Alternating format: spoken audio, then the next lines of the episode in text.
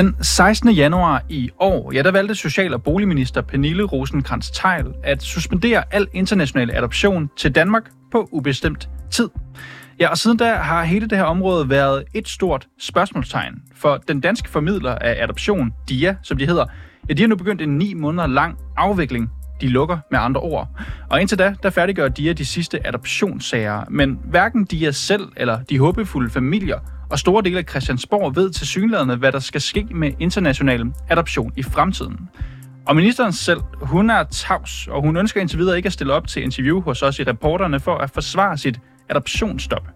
Og nu langer konservative, konservative ud efter selv samme Pernille rosenkrantz tegl og de kalder hendes beslutning om ikke at lukke ned for, om at lukke ned for alle lande for voldsom, og de mener, at hun med sit sprogbrug stigmatiserer både de adopterede børn og deres forældre.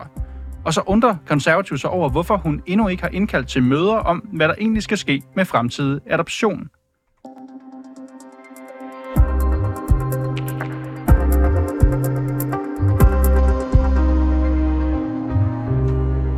Ja, og tidligere i dag, der talte jeg med konservatives familieordfører Mette Abelgaard. Og til at starte med, der bad jeg hende om at skrue tiden en smule tilbage, helt specifikt til den 15. januar 2024, hvor Social- og Boligministeren hun orienterede ordførende om sin beslutning om at lukke for al adoption. For hvad sagde ministeren helt konkret til ordførende? Vi fik helt konkret et brev fra ministeriet, hvor vi blev orienteret om, at der var øh, gjort af Ankestyrelsen nogle opdagelser i forbindelse med øh, øh, Sydafrika, som havde betydet, at man øh, havde mistet noget af tilliden til DIA, den organisation, der står bag de her øh, internationale adoptioner, og at øh, man havde besluttet øh, på den baggrund at indstille øh, til Sydafrika. Øh, og så, som jeg husker brevet, stod det ikke fuldstændig klart, hvad Ankestyrelsens indstilling var til de øvrige lande, mm. men det stod ret klart, at ministeriets eller ministerens øh, indstilling var ud fra et forsigtighedsprincip at indstille adoptionerne til alle lande. Hvad tænkte du om den beslutning, da den lå dig i hende? Når man tænker jo først, det må være noget meget voldsomt, ikke? Øh, man ser øh, nogle frygtelige eksempler for sig. Hvad er det, de har fundet ud af? Hvad er det for en viden, de har fået? Hvad er det for en tillid, der er brudt? Så jeg forestillede mig, at det var øh, noget meget voldsomt, for at sige det helt ærligt. Øh, omvendt så fik jeg også sådan umiddelbart det indtryk, at det var... Øh, de faglige indstillinger, at man skulle indstille til alle lande. Øhm, og det er ikke, fordi jeg vil påstå, at det stod specifikt i de brev, men det virkede som om, at ministeren handlede på baggrund af viden, der var så bombastisk, at det var uansvarligt at gøre andet. Er du blevet klogere på, hvad den viden i så fald er med det her Jamen, vi er blevet klogere øh, på, hvad det er for nogle forhold, det drejer sig om. Øh, både øh, fordi vi har fået en hel del videnstillet rådighed fra ministeriet, men også øh, fra anden side, øh, fra nogle af de, der har adopteret øh, fra landet, og som kan, kan bidrage med deres perspektiv også. Øh, og som jeg forstår det, at det er jo en ansættelsesretslig sag, øh, som handler om en konkret øh, kvinde, som har haft en dobbeltansættelse, som hun ikke må ifølge øh, reglerne. Øh, og det er klart, der skal være styr på den slags. Det er overhovedet ikke til diskussion. Men det er ikke, når jeg har studeret de her papirer, sådan at det på nogen måde er mit indtryk, at der er børn, der er blevet handlet med, øh, eller som er blevet frataget deres forældre mod deres vilje, eller noget som helst i den kaliber. Mm. Få dage før ministeren træffer sin beslutning, så vælger Ankestyrelsen, som jo er mangeårig tilsynsmyndighed på det her område, de vælger at indstille til et stop med samarbejde med Sydafrika. Det gør de på baggrund af det, du også beskriver her. Altså nogle administrative fejl. Nogle fejl, som er foregået i forhold til den her kontaktperson, som har vist sig at været delvis ansat af den danske formidler DIA, og det er altså mm. forbudt, og derfor er de også blevet kritiseret, og Ankestyrelsen siger så, at det her det skal stoppes. Det siger de den 12. januar. Så siger de også, at resten af landene, de her fem lande, der er tilbage, de skal køre under et skærpet tilsyn og undersøges ja. yderligere. Det, der så sker, er, at ministeren hun vælger at suspendere alle lande på ubestemt tid. Altså ikke bare Sydafrika, som altså er blevet indstillet til et stop, men også Tjekkiet og Indien og Taiwan.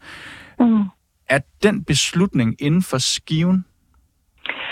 Øh, jeg synes, det er en meget voldsom beslutning med den viden, jeg har i dag. Øh, på det tidspunkt lige, da sagen blev præsenteret for os skriftligt, og da det hele startede med at rulle i medierne, der havde vi jo ikke den fulde indsigt overhovedet i, hvad det her drejede sig om. Øh, og der øh, havde jeg egentlig respekt for, at man ud fra et forsigtighedsprincip øh, var forbeholden. Det handler jo om, om man har tillid til DIA som organisation. Øh, og når de også formidler øh, adoptionen i de øvrige lande, så synes jeg, det er fair nok, at man sådan, øh, gør sig overvejelser om samarbejdet. Men da jeg så fandt ud af, hvad der lå substantielt i denne her sag, og også blev helt skarp på, at Ankestyrelsen jo ikke har anbefalet at lukke ned til de øvrige lande, men blot øh, skærpe tilsynet. Så må jeg sige, så er jeg blevet meget skeptisk. Øh, fordi det her har jo også ført til, at DIA øh, jo har lukket sig ned som organisation, og at der er blevet lukket fuldstændig ned for al international adoption i Danmark. Så på den måde har det jo haft ekstremt store konsekvenser. Mm. Vi har jo spurgt Socialministeriet til, hvad der ligger til grund for ministerens beslutning. De oplyser jo blandt andet, som du også siger her, at øh, Ankestyrelsen skriver, at de er, jamen dem er de usikre på, hvorvidt de egentlig generelt kan løfte det her område. De siger også, at ministeriet siger, at styrelsen har gjort ministeren opmærksom på, at du kan altså suspendere de her lande her, hvis du ønsker det. Forstår du, at der sidder en minister her, som får de her oplysninger om Sydafrika, og så i øvrigt får at vide, at du, du kan suspendere det hele, hvis du vil, som så tænker, jeg må hellere være på den sikre side, gå med livrem og seler her? Om jeg har egentlig stor respekt for, at man ønsker at være på den sikre side, men ministeren må have kendt indholdet i sagen jo selvfølgelig, da hun træffede sin beslutning. Og jeg forstår ikke med hendes kendskab til sagen, at hun har reageret så voldsomt, som hun har, at hun har ladt det gå ud over alle lande, og ikke alene øh, reageret i forhold til Sydafrika. Øh, på den måde synes jeg, det er en meget øh, voldsom øh, reaktion, når man tænker på, hvilke konsekvenser, hvilke afledte konsekvenser øh, den har. Jeg synes også, der er noget upassende i den sprogbrug, ministeren har haft omkring handlede børn osv., og den måde, man har blandet nogle af de skrækkelige adoptionshistorier, der ligger tilbage i øh, 60'erne, 70'erne og 80'erne, sammen med nutiden. Øh, fordi der er ikke tale om børn, der er blevet franaret deres forældre på nogen måde. Øh, og på den måde synes jeg faktisk, man er med til at tale om adoption på en måde, hvor man får det stigmatiseret, og hvor man får mistænkeliggjort alle de børn, der kommer til Danmark med adoption på et helt urimeligt grundlag. Mm. Og vi har også talt med flere af de par, som har stået på ventelisten til at adoptere. De har altså ikke fået et match endnu, men de har stået på den her venteliste og forventet, at de vil få et, et barn, øh, som de vil blive matchet med. De er jo ret uforstående over for ministerens beslutning. De siger jo, de mener ikke, der er belæg for at suspendere alle lande. Det er selvfølgelig også klart, at de her forældre, de har jo også en interesse i at få den her familie, de drømmer om. Men kan du forstå deres frustrationer? Jamen, jeg kan sagtens i den grad forstå øh, forældrenes frustrationer. Jeg har også øh, tæt dialog med mange af dem, og jeg har også videresendt spørgsmål, de har sendt øh, til øh, mig, har jeg videresendt til ministeren for at få svar på en række faktuelle ting i denne her øh, sag, om man har overholdt et såkaldt pro- proportionalitetsprincip osv. Øh, så på den måde prøver jeg at grave videre i det, men der er jo mange spor i denne her sag, for der er et element, der handler om, hvordan håndterer vi de, der står på venteliste nu og her, og som har måske allerede fået et match med et barn. Men der er jo også hele spørgsmålet om, hvad skal der ske med den internationale adoption fremadrettet? Øhm, for hvis jeg skal være helt ærlig, tror jeg ikke, at den nuværende minister har noget ønske om, at vi skal genoptage de internationale adoptioner. Øh, og det er jeg og det konservative Folkeparti uenige i, men vi skal finde en anden model for at gøre det, nu hvor vi ikke længere har denne her organisation, øh, DIA, og gøre det igennem. Mette Abelgaard, hvad bygger du det på, at ministeren skulle have de intentioner?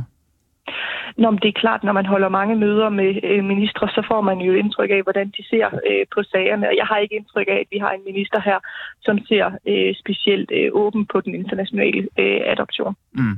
Jeg har talt med nogle af dine ordførerkolleger. De giver også udtryk for, at de fortsat afventer et møde fra ministeren. Som du selv siger, på det her område er der stadigvæk rigtig mange spørgsmål. De har jo valgt at sige, vi laver en afvikling til tær, siger de, omkring ni måneder. Men så står det ligesom hen i det uvisse, hvad der så skal ske, også med de par, som venter og som håbede at adoptere et barn. Jeg tænker, føler du dig tilstrækkeligt informeret, også af ministeriet i den her proces? Ej, jeg synes, øh, der var et højt informationsmål lige de første dage efter, hvor der blev holdt møder og så videre. Men jeg må sige, at i den tid, der har været efterfølgende, der har jeg været undrende over, at der ikke er kommet mere viden fra ministeriet, at vi ikke bliver holdt mere opdateret på, hvordan det går med at løfte øh, opgaven i Ankestyrelsen, som man har overtaget øh, fra DIA. Og jeg er meget uforstående over for, at vi overhovedet ikke er blevet indkaldt til nogle drøftelser om det fremadrettet. Øh, hvad der skal ske nu, hvor DIA ikke øh, eksisterer længere. Især fordi, at man jo for nogle år siden havde det hele kastet op i luften og overvejet der forskellige modeller for, hvordan man kunne lave den internationale adoption, så der ligger et meget grundigt forarbejde på det her område, øh, som, som egentlig også gør, at vi som politikere har et fint grundlag for at træffe beslutninger om, hvordan det fremadrettet skal være. Og ministeriet de skriver også sådan her til os, når vi spørger til, hvad skal der ske nu? De siger, at der er endnu ikke truffet beslutning om fremtiden for international adoptionsformidling til Danmark. Aktuelt er formidlingen midlertidigt sat i bero, det vil sige, der kommer ikke nye sager ind. Der arbejdes aktivt med at finde mulige løsninger for de familier, der er tilmeldt DIA. Derefter vil det være nødvendigt at forholde sig til international adoption fremadrettet. Så der er så mange spørgsmål. DIA selv, de sidder jo og færdigarbejder de, de, øh, de sager, de har i gang lige nu. De kan ikke tage nye sager ind, de afvikler. Hvad skal ministeren gøre? Jamen, ministeren bør jo indkalde de politiske partier i Folketinget til en drøftelse om, hvordan øh, den internationale adoption kan fortsætte fremadrettet. En mulighed er at lave det, man i ministeriet har kaldt en statslig model, hvor det er staten, der overtager ansvaret for de øh, arbejdsopgaver, øh, de tidligere har haft. Det findes der en ret fin veludviklet model øh, for, hvordan det kan lade sig gøre. Der er både fordele og ulemper ved den model, men det er den model, øh, jeg umiddelbart anser som værende den mest realistiske, øh, man kan arbejde videre med. Og det arbejde tager selvfølgelig noget gang, øh, noget tid at få, få startet op, så derfor synes jeg, der er rigtig god grund til bare at komme i gang også fordi vi har jo nogle samarbejdsrelationer i de lande, vi har haft adoptioner fra. Øh, og de øh, relationer skal jo fastholdes, øh, fordi ellers så bliver vi ikke ved med at kunne adoptere fra de lande, hvis vi først kommer om to år og siger, at nu har vi øh, fundet ud af, hvad vi vil i Danmark. Og jeg fornemmer også med det, Abelgaard, at konservative mener fortsat, at der skal være mulighed for en eller anden grad af international adoption til Danmark. Ja, vi mener, at det er rigtig fint, at der er øh, den mulighed øh, for, for par, som ønsker det, og øh, vel og mærket fra de lande, der overholder alle de regler, der er i forhold til internationale adoption, hvor man jo starter med at afsøge i barnets netværk, om der er nogen, der kan have øh, barnet. Øh, hvis ikke det er muligt, så afsøger man i barnets øh, lokale miljø, nærmiljø, i det land, barnet øh, kommer fra. Der er meget klare procedurer for, hvad der skal være tjekket, før man går til den internationale adoption, for at lade barnet vokse op tættest muligt øh, på sine rødder. Så vi ved, at de børn, der kommer til Danmark via international adoption, de kommer hertil, fordi de ikke har andre muligheder. Og der synes jeg, det er fantastisk at kunne give dem et opvækst hos, hos kærlige forældre i Danmark. Jeg hører desværre om forældre, som har adopteret hertil, som bliver chikaneret og som bliver beskyldt for menneskehandel og alt muligt, hvilket er fuldstændig utilstedeligt. Øh, så vi har virkelig også brug for at få forhøjnet kvalitet i den offentlige debat omkring adoption i Danmark, fordi der er mange, der ikke ved, øh, præcis, øh, hvilke kriterier der overhovedet skal være opfyldt, før man kan adoptere et barn. Mm.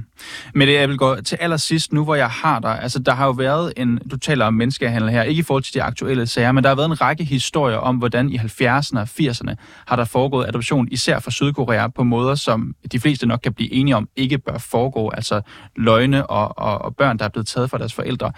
Vi kan jo registrere, at en række partier i Folketinget, de nu gerne vil have en uvildig, kalder det juridisk undersøgelse, altså LA, Enhedslisten, DF, SF og Danmarksdemokraterne. Jeg skal bare høre, bakker konservativ op om det forslag? Jamen, det drøfter vi meget gerne i ministeriet. Det står ikke helt klart for mig præcis, hvad der skal ligge i sådan en undersøgelse, og hvilket formål den skal have. Øh, nogle af de, der kan placeres ansvar til øh, eller hos, øh, eksisterer ikke mere. Så jeg tror, at vi mangler at se sådan en fuld beskrivelse af, hvad sådan en uvildig undersøgelse skal kunne. Det er slet ikke, fordi vi er afvisende over for det, men den slags undersøgelse skal også bare fagligt give mening, før vi iværksætter den.